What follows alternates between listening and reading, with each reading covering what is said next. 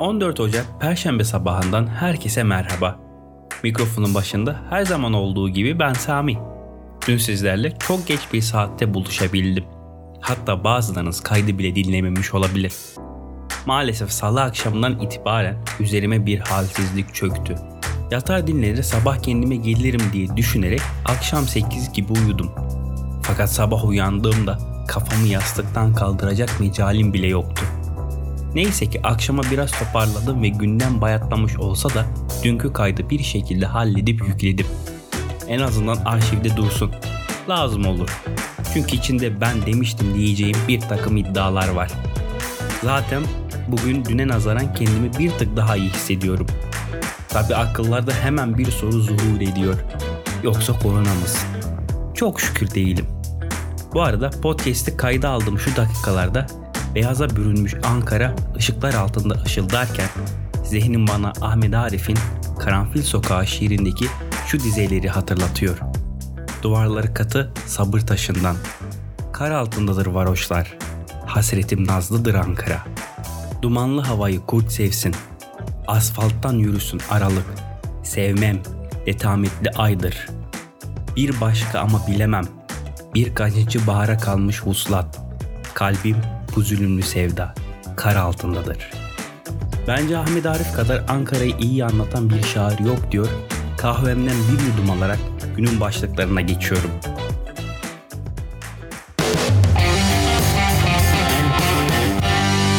Aşı Show Sağlık Bakanı Fahrettin Koca, bilim kurulu üyelerinden hastalığı geçirmemiş ya da gönüllü olarak aşılanmamış olanlarla ilk aşıyı olacağını söyledikten sonra Ankara Şehir Hastanesi'nde COVID-19 aşısını yaptırdı.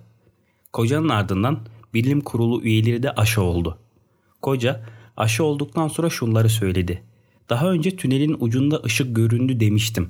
Bugün öyle bir gün, önümüzdeki günlerin aydınlık olacağına inanıyorum. Türkiye İlaç ve Tıbbi Cihaz Kurumu dün analizleri tamamlanan Coronavac aşısı için acil kullanım onayı vermişti. Sağlık Bakanı Fahrettin Koca bilim kurulu toplantısı sonrası açıklama da yaptı. Türkiye'de kamuda, üniversitede ve özel hastanelerde toplam 1 milyon 119 bin 886 sağlık personeli var. İlk etapta 3 milyon doz aşının yarısı, 28 gün sonra da diğer yarısı sağlık personeline uygulanacak. Bu da 2 milyon 239 bin 772 doz aşı anlamına geliyor. Geriye kalan 760.228 doz aşının ise 380.114 kronik rahatsızlığı bulunan 65 yaş üstü vatandaşa uygulanması hedefleniyor. Ancak ilk dozlar yapıldıktan sonra Çin'den sipariş edilen aşının kalan 47 milyon dozundan bir kısmının daha Türkiye'ye ulaşması durumunda sağlık personeli için ayrılan ikinci dozla diğer 65 yaş üstü ve risk gruplar aşılanmaya başlayacak. Daha sonra yüksek riskli ortamlarda kritik işlerde çalışanların aşılanması planlanıyor. Bu gruplar arasında askerler, polisler, adliye ve yargı hizmetlerinde çalışanlar, öğretmenler, akademik personel, gıda sektöründe çalışanlar, belediye hizmetleri, elektrik, su, çöp toplama, itfaiye, kargo görevlileri yer alıyor. Bu gruplardan sonra 50-64 yaş arası kronik hastalığı olanlar ve 50-64 yaş arası diğer kişilere geçilmesi planlanıyor. Daha sonra yaş giderek düşürülerek önce 50 yaş altı kronik hastalığı olanlar ve 18-49 yaş arası genç yetişkinler aşılanması düşünülüyor dedi. Yalnız konuştuk ettik ama baba aşı yok. 50 milyon aldık ha geldi geliyor dedik topu topuna 3 milyon geldi. Rakam o kadar çok ki nasıl dağıtacağımızı şaşırmış durumdayız. Yaradan akıl fikir versin. Başka da bir şey demiyorum. İş kazası değil, iş cinayeti. İşçi Sağlığı ve İş Güvenliği Meclisi geçen yıl iş cinayetlerinde 2427 kişinin hayatını kaybettiğini belirledi. Meclisin verilerine göre en çok ölüm 325 can kaybıyla İstanbul'da kayda geçti. Mega kenti 111 ölümle İzmir, 99 ölümle Kocaeli takip etti. Ölüm sebeplerinde %31 ile Covid-19 başı çekerken trafik kazası kaynaklı ölümler %16, ezilme yahut göçükte hayatını kaybedenlerin oranı ise %12. Hayatını kaybeden 2427 emekçiden 148'i kadın, 68'i çocuk, 101 ise mülteci statüsünde. 21. yüzyılın ilk 20 yılını yemiş olmamıza rağmen halen iş kazası konuşmak çok acı bir şey. Oysa bu ölümleri sıfırlamak için elimizin altında yeterince teknoloji var. Fakat teknoloji kadar hatta ondan önemlisi denetim ve kurallara uyanlara ağır yaptırımlar uyguluyor olabilmemiz gerekiyor. Ama ne yazık ki ülkemizde suçlunun her türlüsü pek cezalandırılmıyor. Daha geçen hafta Hatun Tepečınar'ın adalet feryadına hep beraber bu podcast'te kulak verdik. Peki ne oldu? Dava Mart'a ertelendi. Fabrika sahipleri ellerini kollarını sallaya sallaya geziyorlar. Onların moralini yükseltmek için müsiyat yemek veriyor. Olan gariban oluyor. İşte bu yüzden iş kazası değil, iş cinayeti.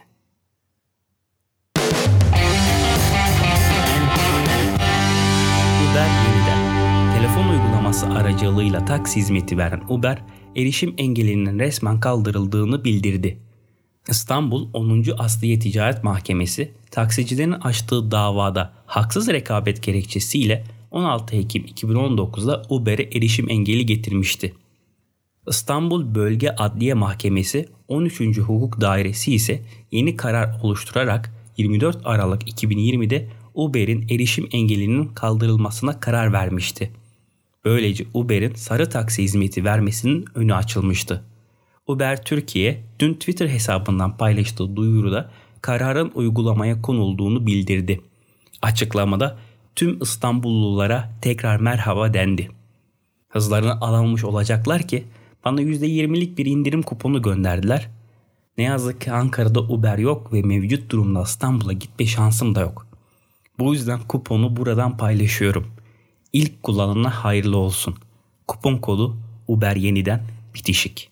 Ayrıca aklı başında dürüst ve insan olan şoförleri tenzih ederek sarı boyalı çeteye tıpkı Süleyman Soylu gibi oh oh çekiyorum ben de. Zam fiyat güncellemesi. Bitkisel Yağ Sanayicileri Derneği Başkanı Tahir Büyük Helvacıgil ham madde maliyetinin çok arttığını belirterek yağda %20'lik bir artışın olabileceğini söyledi. Dünya Gazetesi'nden Hüseyin Gökçe'nin haberine göre 2020 yılına ilişkin sektörel değerlendirmede bulunan Bitkisel Yağ Sanayicileri Derneği Başkanı Tahir Büyükhelvacıgil, ham maddeyi ithal etmek zorunda olan yağ sanayicilerinin son artışı henüz raf fiyatlarına yansıtamadıklarını söyledi. Büyük helvacıgil bundan dolayı yağda %20'lik bir artışın daha olabileceğini belirtti. Geçen yıl 700 dolar civarında olan ham yağ fiyatının 1325 dolara kadar yükseldiğini aktaran Büyük Helvacıgil, bu yıl ise çiftçilerin daha çok ayçiçeği yağı gelmesini öngördüğünü vurguladı. Vakti zamanında Arap yağı bol buldu mu kıçına başına sürermiş diye argo tabir edilebilecek bir deyimimiz vardı. Sağ olsunlar zamlarla pardon fiyat güncellemeleriyle onun da içine ettiler.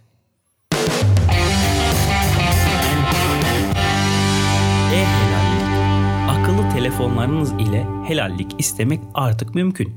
Helal App isimli uygulama hakkını helal etmesini istediğiniz kişilerden sizin yerinize helallik istiyor. Uygulamanın açıklama bölümünde şu ifadeler yer alıyor. Helallik almak hiç bu kadar kolay ve hızlı olmamıştı. Helallik almak istediğin kişileri seç, mesajını yaz, helallik istediğini ister rehberindeki kişilere ister tüm dünyaya gönder. Bir kusurumuz olduysa da şimdiden hakkını helal et, smiley. Uygulama şu şekilde çalışıyor.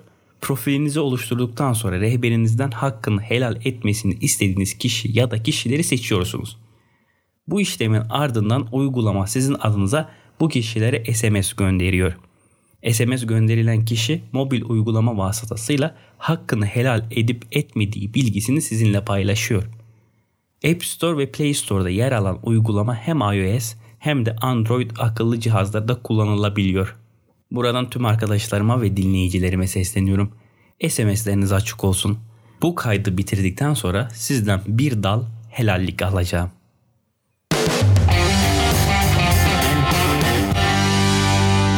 Dönerse Stalin'dir, dönmezse Lenin. Rusya'nın başkenti Moskova'nın kuzeyinde açılan Stalin adlı döner büfesi yoğun tepkiler üzerine açılışından bir gün sonra kapatıldı. Kommersant gazetesinin haberine göre büfede çalışanlar da 1879-1953 arasında yaşayan Joseph Stalin'in dönemine ait istihbarat servisinin yeşil üniformalarını giyiyordu.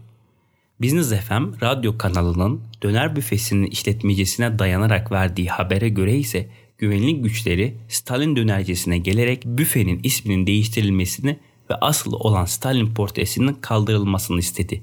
Personelin de gelen yoğun tehditler üzerine işi bıraktığını açıklayan işletmeci bu yüzden büfenin açılmasından bir gün sonra kapandığını aktardı. Rusya televizyonlarında konuyu işleyen haberlerde görüş belirten vatandaşlar milyonlarca insanın ölümünden sorumlu tuttukları Joseph Stalin'in adını kullanarak para kazanma çabasının kabul edilemez olduğunu dile getirdi. Ya harbi merak ediyorum. Bu cin fikir hangi akıllıdan çıktı? Bula bula isim olarak Stalin'i mi buldu? Bari Marx yapsaydınız olmadı Lenin. Mesela ben Nikita Khrushchev ismini nedeni yok ama çok severim. Hatta acılar ile anlaşıp Nikita döner, Çikita döner diye jingle yapardınız. Hadi o da olmadı. Leonid Brezhnev nedensiz sevdiğim başka bir Sovyet lideri ismi. O da olurdu.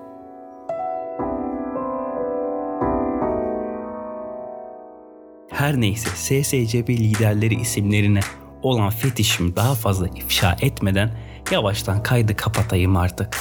Ama bitirmeden bir ricam var. Son günlerde dinleyici sayısı bir tık azaldı. Eğer bu podcast hoşunuza gidiyorsa lütfen eşe dosta da dinletip takip ettirin. Haberimin medyası yerine bu podcast'i dinlesinler. Hem sağlıklarına hem de kulaklarına şifa gibi gelir.